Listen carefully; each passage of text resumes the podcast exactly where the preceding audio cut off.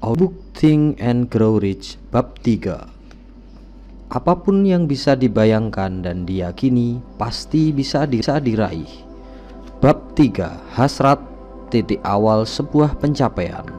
Langkah pertama menjadi kaya. Ketika turun dari kereta barang di West Orange, New Jersey Edwin Barnes boleh saja terlihat seperti gelandangan, namun cara berpikirnya adalah cara berpikir seorang raja. Sambil berjalan menyusuri rel kereta api menuju kantor Thomas Alva Edison, otaknya terus bekerja. Ia melihat dirinya berdiri di depan Edison. Ia mendengar dirinya sendiri meminta Pak Edison memberikan kesempatan untuk mewujudkan satu-satunya obsesi hidupnya, hasrat membara menjadi rekan bisnis sang penemu. Hasrat Barnes bukanlah harapan, bukan juga pengandaian. Ini adalah hasrat yang menggebu, bergemuruh dan mewujud ke dalam setiap hal lainnya. Hasrat ini pasti. Jangan lupa untuk like, komen, subscribe di dalam audiobook ini sehingga episode ini akan berlanjut sampai akhir. Mari kita lanjutkan. Beberapa tahun kemudian, Edwin Barnes kembali berdiri di depan Edison di kantor yang sama ketika ia pertama kali bertemu sang penemu. Sekarang hasrat ini telah diwujudkan menjadi kenyataan. Ia berhasil berbisnis dengan Edison. Impian yang mendominasi kehidupannya terwujud. Barnes berhasil karena ia memilih tujuan yang pasti, menggunakan semua energi, kemauan keras, serta upayanya, segalanya untuk mencapai tujuan tersebut. Butuh lima tahun sebelum kesempatan yang selama ini ia cari muncul di depan mata bagi setiap orang kecuali dirinya sendiri, ia layaknya sekrup dalam roda bisnis Edison, tetapi dalam pikirannya sendiri, ia adalah mitra Edison sepanjang waktu sejak mulai bekerja di sana. Itu merupakan gambaran luar biasa tentang kekuatan hasrat yang pasti. Barnes mewujudkan cita-citanya karena ia ingin menjadi mitra bisnis Edison. Lebih dari segalanya, ia membuat sebuah rencana untuk mewujudkan tujuan tersebut dan ia membuat dirinya tidak mungkin kembali. Ia memelihara teguh hasrat tersebut sampai menjadi obsesi yang mendominasi kehidupan dan akhirnya kenyataan. Ketika pergi ke West Orange, ia tidak berkata pada dirinya sendiri, "Aku akan berusaha membujuk Edison memberiku pekerjaan apa saja." Namun ia berkata, Aku akan menemui Edison dan membuatnya mengerti bahwa aku datang untuk berbisnis dengannya. Ia tidak berkata, "Aku akan membuka mata untuk kesempatan lain." Andai aku gagal memperoleh apa yang kuinginkan di perusahaan Edison, namun dia berkata, "Hanya ada satu hal di dunia ini yang pasti akan kudapatkan, dan itu adalah bermitra usaha dengan Thomas Alva Edison." Aku akan melupakan masa lalu dan mempertaruhkan seluruh masa depanku di atas kemampuanku memperoleh apa yang aku inginkan. Ia tidak memberi dirinya sendiri kesempatan untuk mundur, menang atau habis. Inilah cerita sukses Barnes. Jangan beri diri Anda kesempatan untuk mundur. Dahulu kala, seorang pejuang besar menghadapi sebuah situasi yang mengharuskannya mengambil keputusan yang memastikan kesuksesannya di medan perang. Ia hendak mengirim pasukannya melawan musuh yang sangat kuat, yang jumlah tentaranya jauh di atas jumlah pasukannya. Ia menaikkan tentaranya ke kapal dan berlayar ke negeri musuh, menurunkan mereka dan peralatan mereka, dan menyuruh mereka membakar kapal yang telah membawa mereka di muka tentaranya sebelum mulai peperangan dia berkata, "Kalian lihat kapal sudah terbakar habis. Artinya kita tidak dapat meninggalkan pantai ini dengan selamat kecuali kita menang. Pilihan kita sekarang tinggal menang atau habis." Dan mereka menang. Setiap orang yang menang dalam upaya apa pun harus rela membakar kapal dan memutuskan semua jalan mundur. Hanya dengan cara itulah orang bisa mempertahankan kondisi pikiran yang dikenal sebagai hasrat membara untuk menang. Itu hal yang sangat penting bagi sebuah kesuksesan. Pagi setelah kebakaran hebat di Chicago, sekelompok pedagang berdiri di, di State Street, memandang puing-puing toko mereka yang masih berasap. Mereka rapat untuk memutuskan apakah akan berusaha membangun kembali atau meninggalkan Chicago dan mulai lagi di kawasan lain yang lebih menjanjikan. Mereka, kecuali satu orang, memutuskan meninggalkan Chicago. Pedagang yang tetap tinggal dan membangun kembali itu menunjuk ke arah puing-puing tokonya dan berkata, "Tuan-tuan, tepat di sana aku akan membangun toko terbesar di dunia." Beberapa kali toko itu pun terbakar. Toko itu pun dibangun pada tahun 1871 dan sampai sekarang masih berdiri. The Marshall Field Department Store adalah monumen menjulang bagi kekuatan pikiran yang dikenal sebagai hasrat membara. Hal termudah yang seharusnya dilakukan Marshall Field adalah seperti yang dilakukan rekan-rekannya sesama pedagang. Ketika keadaan terasa sulit dan masa depan begitu buram, mereka berkemas dan pergi ke tempat di mana keadaan terlihat lebih mudah. Camkan perbedaannya antara Marshall Field dan rekan-rekannya. Perbedaan yang samalah yang secara praktis membedakan mereka yang berhasil dan mereka yang gagal. Semua orang sudah mengerti arti uang, akan berharap memilikinya. Akan tetapi mengharapkan saja tidak akan mendatangkan kekayaan. Menghasratkan kekayaan dengan pikiran yang menjadi sebuah obsesi, kemudian merencanakan cara dan sarana yang pasti untuk memperolehnya dan memperkuat rencana tersebut dengan keteguhan yang tidak mengenal kegagalan akan membawa kepada sebuah kekayaan. Di dalam tulisan yang lain, Napoleon Hill sering menyamakan makna kepastian tujuan dengan hasrat. Penjelasan berikut diadaptasi dari buku Napoleon Hill Foundation, Believe and Achieve. Hasrat atau kepastian tujuan itu lebih dari menetapkan sasaran Sederhananya, hasrat Anda adalah peta jalan atau roadmap yang bisa digunakan untuk mencapai sasaran umum di dalam karir Anda. Sasaran Anda merepresentasikan langkah-langkah spesifiknya. Memiliki hasrat dan kepastian tujuan di dalam hidup akan membuat kemampuan Anda meraih sasaran yang lebih bersinergi.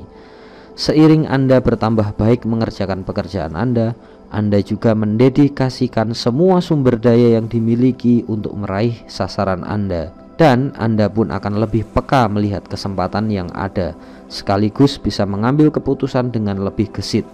Semua tindakan yang Anda ambil akan mengerucut pada pertanyaan berikut. Apakah sasaran ini akan membantu saya meraih hasrat dan sasaran umum saya atau tidak? Tujuan Anda akan menjadi hidup Anda. Hal itu akan mengakar ke dalam pikiran Anda baik pikiran sadar maupun di bawah sadar. 6 cara mengubah hasrat menjadi kekayaan. Metode mentransmutasikan hasrat terhadap hasrat menjadi kenyataan finansial terdiri atas enam langkah yang mantap dan praktis. 1. Tetapkan dalam pikiran Anda jumlah pasti uang yang Anda inginkan. Tidak cukup dengan mengatakan, "Saya ingin uang yang banyak." Pastikan jumlahnya ada alasan psikologis untuk kepastian ini yang akan diuraikan pada bab berikutnya.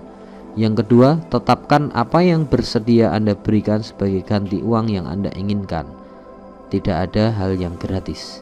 Tiga, tetapkan tanggal pastinya pada saat Anda ingin memiliki uang yang Anda inginkan tersebut. Empat, buat sebuah rencana yang pasti untuk meraih hasrat Anda dan mulailah segera, entah siap atau tidak untuk mewujudkan rencana tersebut ke dalam tindakan. 5. Sekarang tulis semuanya, buat sebuah pernyataan yang jelas dan ringkas tentang jumlah uang yang ingin Anda peroleh. Tetapkan batasan waktu untuk mendapatkannya, sebutkan apa yang akan Anda berikan sebagai ganti uang tersebut, dan uraikan dengan jelas rencana Anda untuk mengumpulkan uang tersebut. 6. Baca pernyataan tertulis Anda keras-keras dua kali sehari.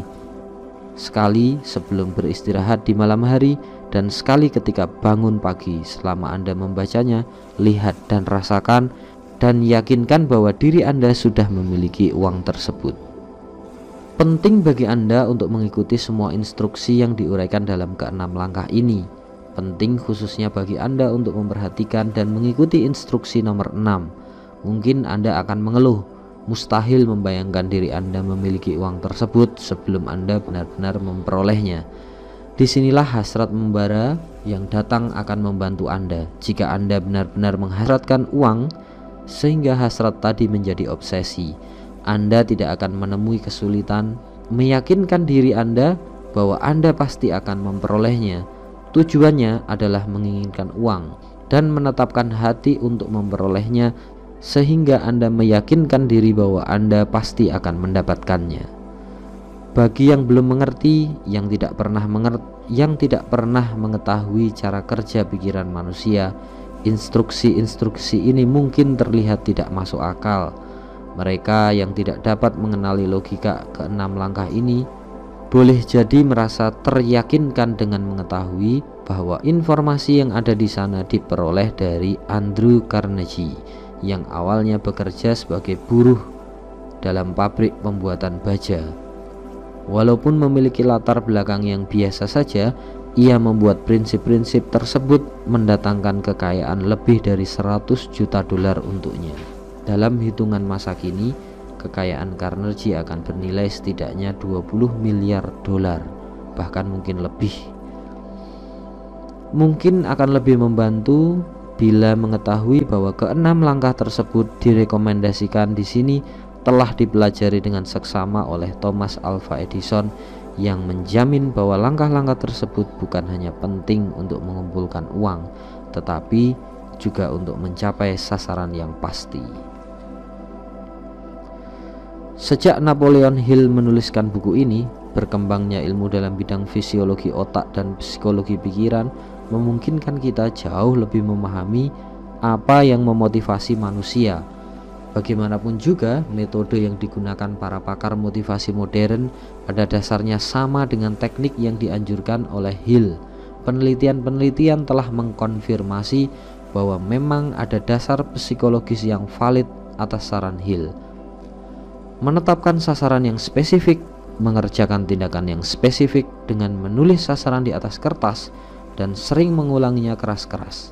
Teknik ini sudah semakin diterima oleh pakar modern. Prinsip psikologis yang ada di balik instruksi Hill ini sangat serupa dengan dasar dari autosugesti atau hipnosis diri.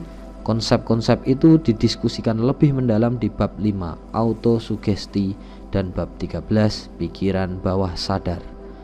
Instruksi Hill yang menyeluruh melihat seorang diri Anda sudah mencapai sasaran juga merupakan teknik yang spesifik. Sekarang teknik itu marak diajarkan para pakar motivasi dengan istilah visualisasi kreatif. Dalam bab 4 mengenai keyakinan dan dan bab 5 tentang autosugesti. Hill menjabarkan metodenya lebih lanjut Sebelum melangkah ke bagian berikutnya, kami ingin menegaskan pentingnya mengikuti instruksi Hill secara mendetail. Kami tahu para pembaca dan pendengar audiobook cenderung menganggap memahami sebuah konsep secara intelektual saja sudah cukup. Selagi Anda membaca ke enam poin Hill, barangkali Anda berpikir, ya tentu saja beberapa orang mungkin perlu menuliskan di kertas, tetapi saya kan bukan anak kecil. Saya paham Oke. Okay. Atau Oke, okay, saya mengerti mengucapkan keras-keras memang bisa membantu orang yang berpikir pendek, tetapi saya memahami intinya secara intelektual. Jika Anda merasa begitu, kami ingatkan bahwa mayoritas orang sukses yang Anda kagumi tidak merasa diri mereka terlalu cerdas atau canggih untuk mengikuti instruksi Hill. Sekali lagi, kami menekankan bahwa Napoleon Hill percaya menulis serta mengucapkan sasaran sangatlah penting. Jika para psikolog serta pakar motivasi setuju, berarti Anda tidak bijaksana kalau tidak mengikuti saran sederhana ini. Lakukan saja. Langkah-langkah tersebut tidak memerlukan kerja keras, tidak perlu pengorbanan. Untuk menerapkan langkah ini, Anda tidak memerlukan pendidikan tinggi, akan tetapi untuk berhasil menerapkan keenam langkah ini, memang dibutuhkan imajinasi sehingga orang dapat melihat, memahami bahwa untuk meraup uang kita tidak dapat mengandalkan kesempatan, nasib mujur dan keberuntungan. Orang wajib menyadari dirinya bahwa kita tidak akan pernah bisa menjadi kaya raya kalau tidak pernah mencapai titik sangat menghasratkan uang dan sungguh-sungguh percaya bahwa kita bisa mendapatkannya. Kekuatan mimpi-mimpi besar kita yang ikut berlomba mengejar kekayaan harus didorong untuk mengerti bahwa dunia dinamis yang kita tinggali saat ini menuntut ide-ide baru, pemimpin baru, penemuan baru, metode pengajaran yang baru, metode, gaya, versi, dan variasi baru dari segalanya. Di balik semua tuntutan akan segala sesuatu yang baru, yang lebih baik, ada sebuah kualitas yang harus dimiliki setiap orang untuk menang, dan itu adalah kepastian tujuan pengetahuan akan apa yang seorang inginkan dan hasrat membara untuk memilikinya. Bagi orang yang berhasrat mengumpulkan kekayaan, ingatlah bahwa pemimpin sejati di dunia adalah mereka yang menjaring dan mengolah kekuatan peluang yang tidak berwujud dan tidak terlihat agar lebih mudah dimanfaatkan. Para pemimpin adalah mereka yang mengubah peluang tersebut menjadi pencakar langit kota-kota, pabrik, transportasi, hiburan, dan semua jenis kenyamanan yang membuat hidup lebih mudah, cepat, lebih baik, dan lebih menyenangkan. Dalam merencanakan untuk memperoleh bagian kekayaan Anda, jangan biarkan orang lain membuat Anda gentar menjadi pemimpi untuk memenangkan taruhan besar di dunia yang terus berubah ini. Anda harus menangkap semangat hebat para pionir di masa lalu, semangat yang menjadi nyawa Amerika, kesempatan Anda dan saya untuk mengembangkan dan memasarkan bakat kita. Hasrat membara untuk menjadi dan melakukan adalah titik awal para pemimpi. Mimpi tidak muncul dari rasa cuek, kemalasan, atau ketiadaan ambisi. Jika hal yang Anda ingin lakukan benar dan Anda meyakininya, silahkan lakukan saja, tidak perlu memikirkan apa kata mereka. Mereka, dalam tanda kurung, jika Anda mengalami kegagalan sementara, mereka mungkin tidak tahu bahwa setiap kesulitan membawa benih-benih keberhasilan yang sebanding. Marconi memimpikan sebuah sistem untuk mengirim suara dari satu tempat ke tempat lain tanpa menggunakan kabel Mungkin menarik mengetahui bahwa teman-teman Marconi sempat melaporkannya ke penegak hukum dan membawanya ke rumah sakit jiwa sewaktu ia mengumumkan telah menemukan prinsip yang memungkinkan mengirimkan pesan lewat udara. Bukti bahwa mimpi Marconi bukan mimpi di siang bolong bisa ditemukan dalam sebuah radio dan televisi, ponsel, satelit komunikasi dan semua alat nirkabel lainnya di dunia. Untung saja saat ini para pemimpi bernasib lebih baik. Saat ini dunia dipenuhi kesempatan dan peluang berlimpah yang tidak sempat diketahui para pemimpi masa lalu. Apabila meragukan kebenaran pernyataan tersebut, jika Anda merasa terpukul akibat kegagalan yang baru Anda alami, sebentar lagi Anda akan belajar bahwa kegagalan bisa menjadi aset yang paling berharga. Hampir semua orang sukses memulai dengan awal yang menantang, serta harus menghadapi berbagai hambatan yang memilukan sebelum tiba di puncak kesuksesan. Titik balik hidup orang-orang sukses biasanya terjadi pada momen-momen krisis, yang menjadi momen ketika mereka bisa mengenal diri lain dari mereka. Konsep diri lain Napoleon Hill juga disebutkan di bagian lain Think and Grow Rich tapi belum dijelaskan secara mendetail. Berikut penjabaran yang ditemukan dalam tulisan-tulisan Hill berikutnya. Anda berkutat memikirkan kegagalan Anda sampai melupakan semuanya. Semakin Anda fokus pada kegagalan, Anda justru akan semakin menarik kegagalan yang lain. Berhentilah memikirkannya dan pusatkan pikiran untuk mengambil keuntungan dari pengalaman gagal tersebut. Apa pun hambatan yang Anda hadapi, harus Anda mulai mengenal sisi lain kepribadian Anda yang tidak kenal hambatan, yang tidak sudi menerima kekalahan. Bertemanlah dengan diri lain Anda supaya tidak peduli apa pun yang Anda kerjakan. Anda akan selalu didampingi dengan sekutu yang juga sama-sama ingin mencapai sasaran Anda. Semua filosofi dan saran tentang mempengaruhi orang lain akan menjadi jauh lebih berguna jika Anda bisa mempraktikannya sendiri. Sidney Portler baru saja membangun sebuah kejeniusan yang tertidur dalam benaknya setelah tertimpa nasib buruk. Dia dipidana oleh tuduhan penggelapan uang dan dipenjara di Columbus, Ohio tempat ia menemukan dirinya yang lain.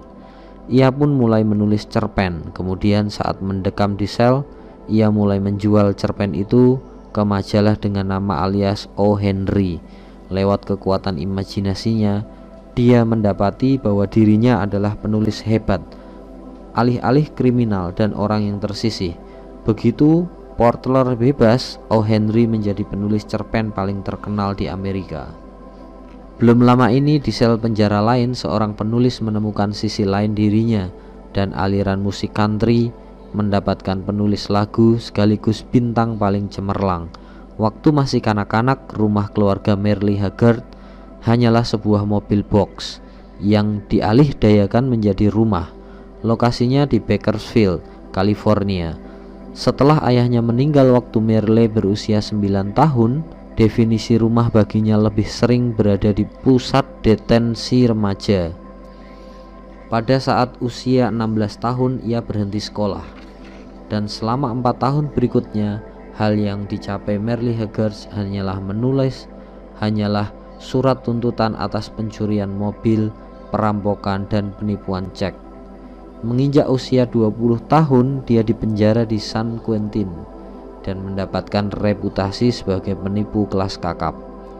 Kemudian ia menemukan sisi diri lainnya terinspirasi oleh konser Johnny Cash di penjara ditambah hasil obrolannya dengan narapidana yang masuk daftar hukuman mati juga waktu yang ia habiskan seorang diri di sel pribadinya Haggard belajar bahwa ada sisi lain dalam dirinya dirinya yang lain itu yang ingin menyampaikan sesuatu lewat musik Begitu keluar dari sel, Haggard meminta pekerjaan paling sulit yang bisa diambil di penjara, mendaftar sekolah malam, meluruskan hidupnya, dan mendapat keringanan hukuman setelah dua setengah tahun di penjara. Ia kembali tinggal ke Bakersfield dan bekerja sebagai penggali selokan pada siang hari, supaya bisa mengasah keterampilannya menulis lagi dan membawakannya di depan umum pada malam hari dalam tiga tahun ia mendapat kontrak rekaman dan dalam lima tahun salah satu lagunya masuk daftar top 10 hits. Setelah itu dia menjadi salah satu sosok paling berpengaruh dalam dunia musik country. Thomas Edison memimpikan lampu yang bisa dioperasikan dengan listrik, langsung mengambil langkah untuk mewujudkan impiannya menjadi kenyataan. Ia gagal lebih dari 10.000 kali Meskipun begitu, dia tetap memegang teguh mimpinya sampai akhirnya berhasil menemukan kejeniusan yang tertidur di dalam benaknya. Henry Ford yang tumbuh miskin dan tidak berpendidikan tinggi memimpikan kendaraan tidak berkuda. Dia pun mulai mengulik dengan peralatan terbatas yang ia miliki tanpa menunggu kesempatan menghampirinya dan sekarang terbukti dari mimpinya memenuhi seluruh dunia ia memanfaatkan roda dengan lebih efektif dibanding orang mana pun dalam sejarah karena ia tidak takut untuk mendukung mimpinya. Steve Jobs dan Steve Wozniak, dua pria yang tidak lulus kuliah, bermimpi membuat dan menjual komputer yang bisa dioperasikan oleh orang awam seperti Ford. Mereka mulai bekerja dengan peralatan yang mereka miliki dan merakit komputer Apple pertama di garasi rumah keluarga Jobs. Seperti Ford, mereka tidak takut mendukung mimpi mereka. Setelah menunjukkan prototipe pertama ke pengecer setempat, mereka mendapat pesanan 25 mesin. Job harus menjual mobil Volkswagen-nya sementara Woz menjual kalkulator sains mahal merek Hewlett Packard demi mendapatkan 1.300 dolar untuk memulai perusahaan mereka. Mereka meyakinkan pemasok elektronik setempat untuk memberi mereka pinjaman kredit lalu memulai produksi Apple I. Mereka merevolusi industri perangkat keras dan lunak komputer, diluncurkan tahun 1976 dengan harga 666 dolar. Apple I memberikan penghasilan sebesar 774.000 dolar untuk mereka. Dua tahun kemudian mereka memperkenalkan Apple II yang selama tiga tahun berikutnya membawa pemasukan sebesar 140 juta dolar. Pada tahun 1980, Apple mulai go public dan setelah hari pertama di pasar saham, nilai perusahaan mencapai nilai pasar 1,2 miliar dolar. Wozniak keluar dari perusahaan pada tahun 1981. Tapi Jobs terus mengembangkan Macintosh pada tahun 1984 Tahun 1985 Jobs juga keluar, tapi tahun 1998 dia kembali ke Apple dan menghidupkan lagi perusahaan yang kala itu mulai terseok dengan menciptakan komputer iMac. Perusahaan animasi Pixar, produk iPod dan iTunes. Dalam menyajikan kisah sukses kontemporer, para editor mengikuti gaya Hill yang mengambil contoh dari tokoh nyata untuk menggambarkan prinsip kesuksesan. Akan tetapi Napoleon Hill punya hak istimewa yang langka, berbeda dengan orang lain sebelumnya dan sesudahnya. Dia punya kesempatan untuk bertemu langsung dengan orang-orang yang paling berkuasa dan sukses serta belajar dari mereka tentang mimpi apa saja yang menginspirasi mereka. Hambatan yang menghalangi mereka serta bagaimana mereka menemukan keberanian dalam diri mereka serta bagaimana mereka menemukan keberanian untuk menghadapi kegagalan. Hill bertemu dengan banyak penemu serta pemimpin kerajaan bisnis yang meletakkan dasar bagi industri abad 21 Amerika Serikat pada saat itu. Kemudian selama lebih dari 25 tahun Hill mempelajari kebiasaan tokoh itu dan mempelajari rahasia mereka agar generasi selanjutnya bisa terus membangun di atas fondasi tersebut memelopori industri baru, menciptakan sistem baru, dan memimpikan impian baru.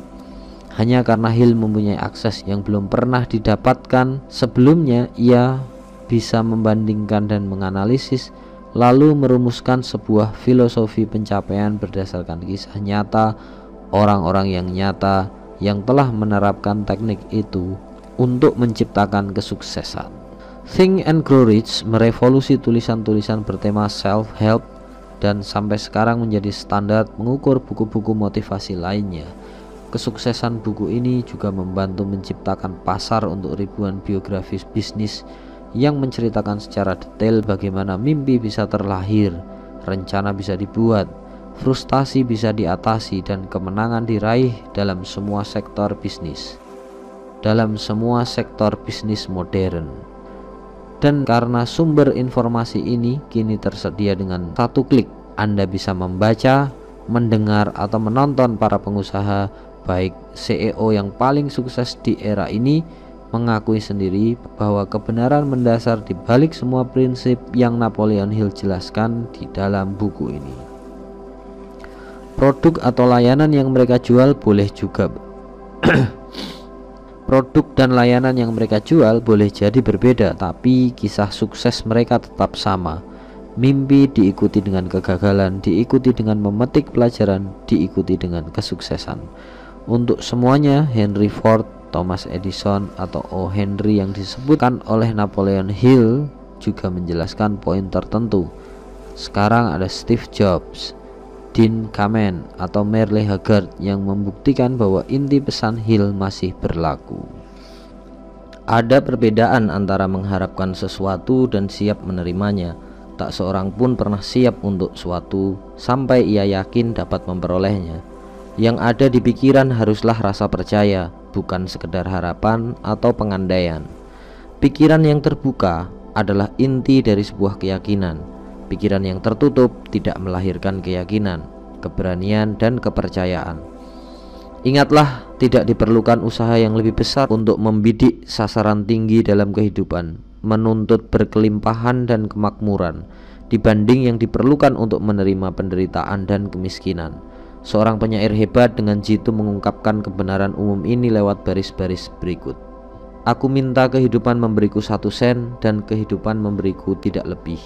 Tetapi di sore hari aku mengemis ketika aku tahu persediaanku tinggal sedikit. Kehidupan seperti pemberi kerja, dia memberimu apa yang kamu minta. Tetapi begitu kau meminta bayaran, tentu saja kau harus mengerjakan tugas.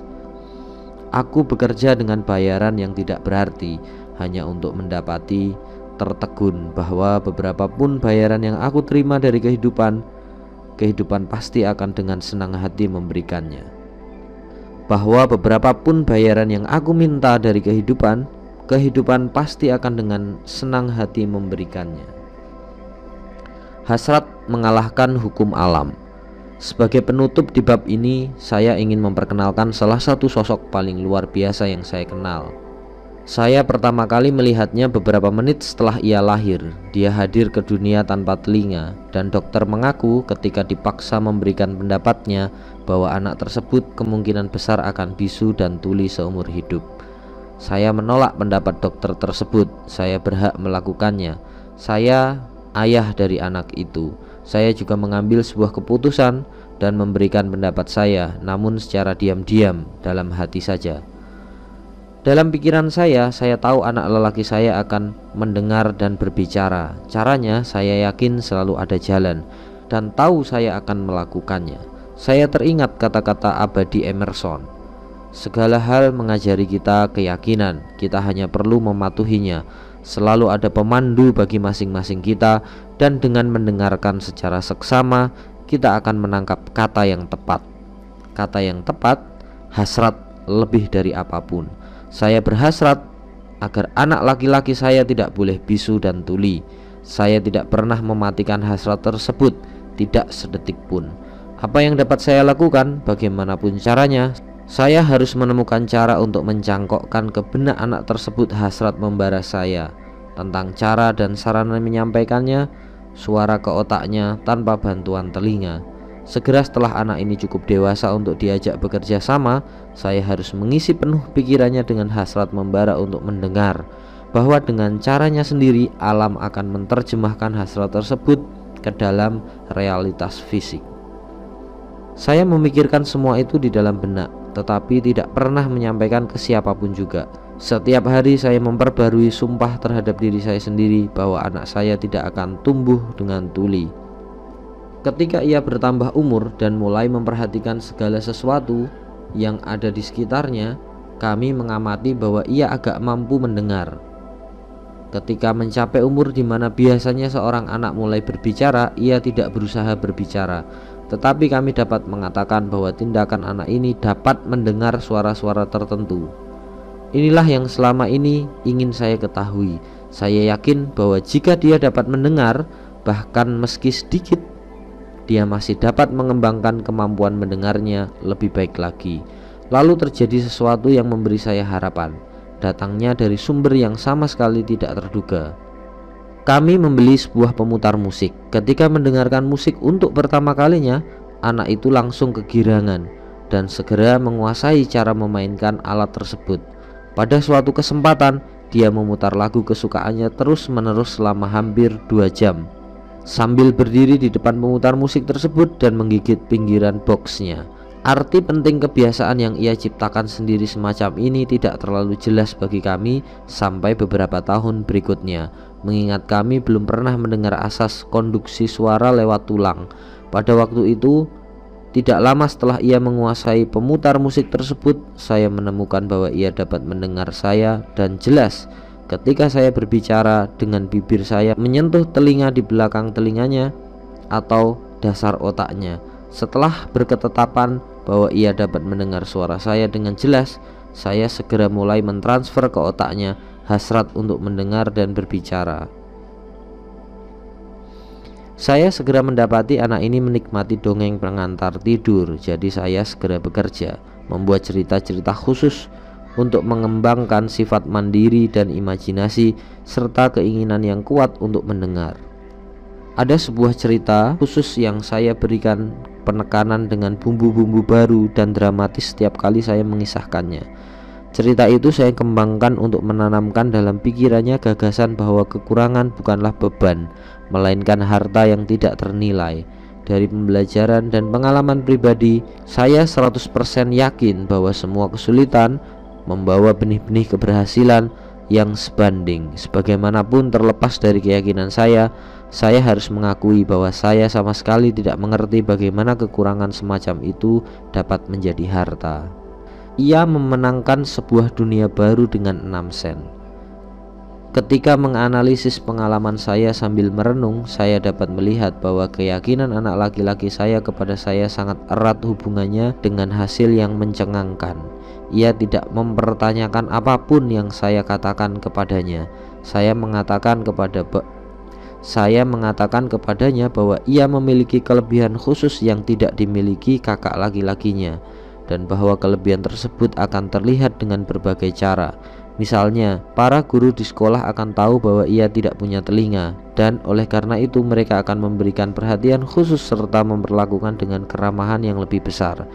Saya juga mengatakan kepadanya bahwa setelah ia cukup besar untuk berjualan koran, karena kakaknya juga berjualan koran, ia lebih beruntung daripada kakaknya karena orang akan bermurah hati kepadanya karena mereka melihat dirinya sebagai seorang anak yang cerdas dan rajin meskipun tidak memiliki telinga. Ketika berumur tujuh tahun, dia menunjukkan bukti pertama bahwa cara kami menghibur pikirannya membuahkan hasil. Selama beberapa bulan ia meminta izin berjualan koran, tetapi ibunya terus menolak. Akhirnya dia bertindak sendiri. Suatu siang, ketika ditinggal sendirian dengan asisten rumah tangga, dia memanjat keluar lewat jendela, mendarat di tanah dan mulai memulai usahanya sendiri. Dia meminjam 6 sen dari tukang sepatu sebelah, membeli koran dan menjualnya sampai habis.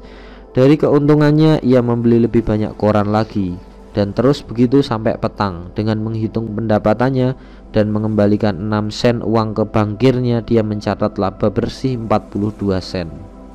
Sepulang ke rumah kami mendapatinya di ranjang, tertidur dengan uang segenggam erat di tangannya. Sang ibu membuka tangan anaknya, mengambil kepingan uang tersebut dan menangis. Ya ampun, bagi saya kesannya ia menangisi kemenangan pertama anak laki-lakinya. Reaksi saya sebaliknya, saya tertawa lepas karena tahu usaha saya untuk menanamkan di benak anak tersebut perilaku percaya pada diri sendiri terbukti berhasil. Sang ibu melihat dalam upaya bisnis pertamanya seorang bocah tuli yang keluar ke jalanan dan mempertaruhkan nyawanya untuk mencari uang, saya melihat seorang pengusaha kecil yang mandiri, ambisius, berani, yang investasi pada diri sendiri telah meningkat 100%. Ia telah memulai usaha atas inisiatifnya sendiri dan menang. Saya bukan hanya senang tetapi juga luar biasa kagum. Jelas ia telah memberikan bukti sikap kreatif yang akan menyertainya sepanjang hayat. Si anak tuli menyelesaikan sekolah dasar, sekolah menengah atas dan perguruan tinggi tanpa kemampuan mendengar para gurunya, kecuali jika mereka berteriak keras pada jarak dekat. Ia tidak bersekolah di sekolah khusus tunarungu dan kami tidak memakai bahasa isyarat dengannya. Kami bertekad dia harus menjalani kehidupan layaknya anak laki-laki lain yang bisa bicara dan mendengar dan kami bertahan dengan keputusan tersebut meski harus berdebat sengit dengan para guru dan kepala sekolah. Ketika menginjak sekolah menengah atas, dia pernah mencoba alat bantu pendengaran elektrik yang tidak membantunya. Selama seminggu terakhir di perguruan tinggi, terjadi sesuatu yang menandai titik balik penting dalam kehidupannya. Dalam sesuatu yang tampak seolah hanya sebuah kebetulan, dia meminta sebuah alat bantu pendengaran lainnya yang dikirim kepadanya sebagai uji coba. Dia tidak begitu berminat mencobanya karena kekecewaannya terhadap alat sejenis. Akhirnya dia mengambil alat tersebut dan dengan agak ceroboh memasang di kepalanya, lalu menyalakannya. Mendadak seolah ada keajaiban. Hasrat seumur hidupnya untuk bisa mendengar normal menjadi kenyataan. Untuk pertama kali dalam kehidupannya dia mampu mendengar sebaik orang normal. Saking gembiranya dengan dunia yang baru dia masuki lewat alat bantunya, dia segera menuju telepon, menelpon sang ibu dan mendengar suara ibunya dengan sempurna. Keesokan harinya ia dapat mendengar suara sang profesor dengan jelas selama kuliah. Untuk pertama kali dalam hidupnya, dia dapat bercakap-cakap bebas dengan orang lain tanpa memaksa mereka berbicara keras. Akhirnya, dia benar-benar memasuki sebuah dunia baru. Hasrat terbukti mendatangkan keuntungan, tetapi kemenangan tersebut belumlah lengkap. Anak ini harus mencari cara yang pasti dan praktis untuk mengubah kekurangan fisiknya menjadi aset yang setara.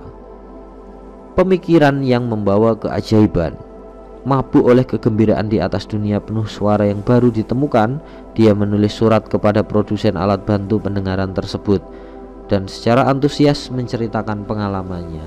Sesuatu dalam surat dalam suratnya mendorong perusahaan tersebut mengundangnya ke New York. Sesampainya di sana, ia didampingi mengunjungi pabrik dan sambil bercakap-cakap dengan insinyur kepala tentang dunianya yang telah berubah. Sebuah pikiran ide atau inspirasi apa pun itu terlintas di kepalanya. Dorongan ide inilah yang mengubah kelemahannya menjadi sebuah aset yang akan memberinya ganjaran dalam bentuk uang dan kebahagiaan ribuan kali lipat seumur hidupnya. Ringkasan dan substansi dorongan tersebut seperti ini.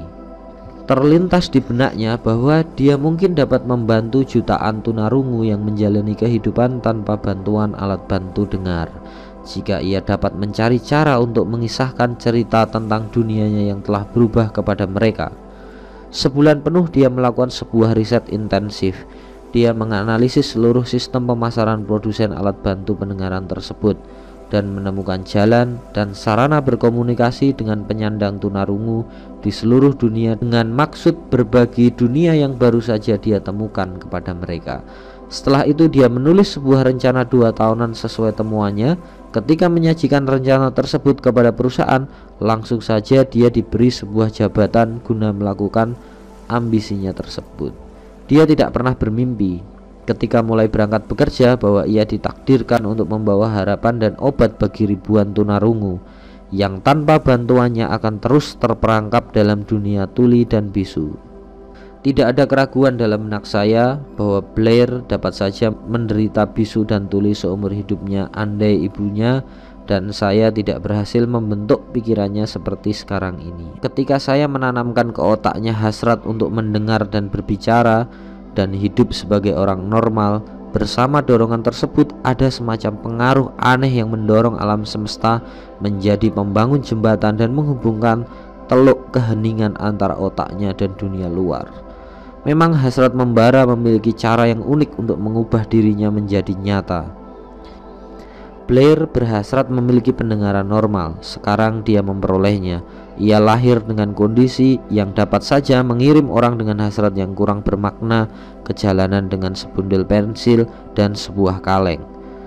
Sedikit dusta putih yang saya tanamkan di benaknya ketika ia masih kecil dengan menggiringnya agar percaya bahwa kekurangannya akan menjadi sebuah aset yang berharga yang dapat ia manfaatkan terbukti benar. Saya percaya bahwa tidak ada satupun hal, baik benar maupun salah, yang tidak bisa diwujudkan menjadi kenyataan dengan keyakinan dan hasrat yang membara. Kualitas ini tersedia bagi siapa saja. Beberapa tahun lalu, salah seorang mitra usaha saya jatuh sakit. Sakitnya makin lama makin parah dan akhirnya ia dibawa ke rumah sakit untuk menjalani operasi. Sesaat sebelum ia didorong ke ruang operasi, saya memandanginya dan bertanya-tanya, bagaimana mungkin orang sekurus dan selemah itu dapat menjalani operasi besar dengan selamat. Dokter mengingatkan saya, kecil kemungkinan akan melihatnya lagi dalam keadaan hidup. Ini pendapat dokter, bukan pendapat pasien. Sesaat sebelum didorong menjauh, dia berbisik, "Jangan khawatir, Bung. Aku akan keluar dari sini beberapa hari lagi. Suster jaga menatap saya iba, akan tetapi sang pasien memang berhasil melaluinya dengan selamat. Setelah semua usai, dokter berkata, hanya hasratnya yang menyelamatkannya. Ia tidak akan berhasil andai ia tidak menolak menerima kemungkinan maut. Saya percaya pada kekuatan hasrat yang didukung dengan keyakinan karena saya telah melihat kekuatan ini mengangkat orang yang dari awalnya buruk ke puncak kekuasaan dan harta. Saya pernah melihatnya menolong orang yang hampir jatuh. Saya pernah melihatnya berfungsi sebagai medium yang digunakan orang untuk kembali setelah kalah dalam ratusan cara. Saya pernah melihatnya memberi anak laki-laki saya kehidupan yang normal, bahagia, dan sukses meski alam semesta mengirimnya ke dunia tanpa telinga. Bagaimana orang menjaring dan memanfaatkan kekuatan hasrat? Bagian pertama dari jawaban adalah teknik yang dibahas di bagian awal bab ini. Anda akan lebih banyak mempelajari pada bab-bab selanjutnya dalam buku ini. Lewat sejumlah prinsip yang aneh dan kuat, alam membungkus dalam dorongan kuat sebuah hasrat sesuatu tersebut yang tidak mengenal kata seperti tidak mungkin dan tidak menerima kenyataan semacam kegagalan. Satu-satunya batasan pada pikiran adalah batasan yang kita akui. Sekian audiobook Think and Grow Rich bab 3. Semoga Anda masih menyimak sampai bab berikut ini dan simak bab berikutnya pada channel berikut. Jangan lupa untuk subscribe, like, share, and comment. Dan jika Anda ingin meminta request buku apa yang ingin dijadikan audiobook, silahkan berkomentar dalam komentar di bawah ini. Sekian Tutorpedia.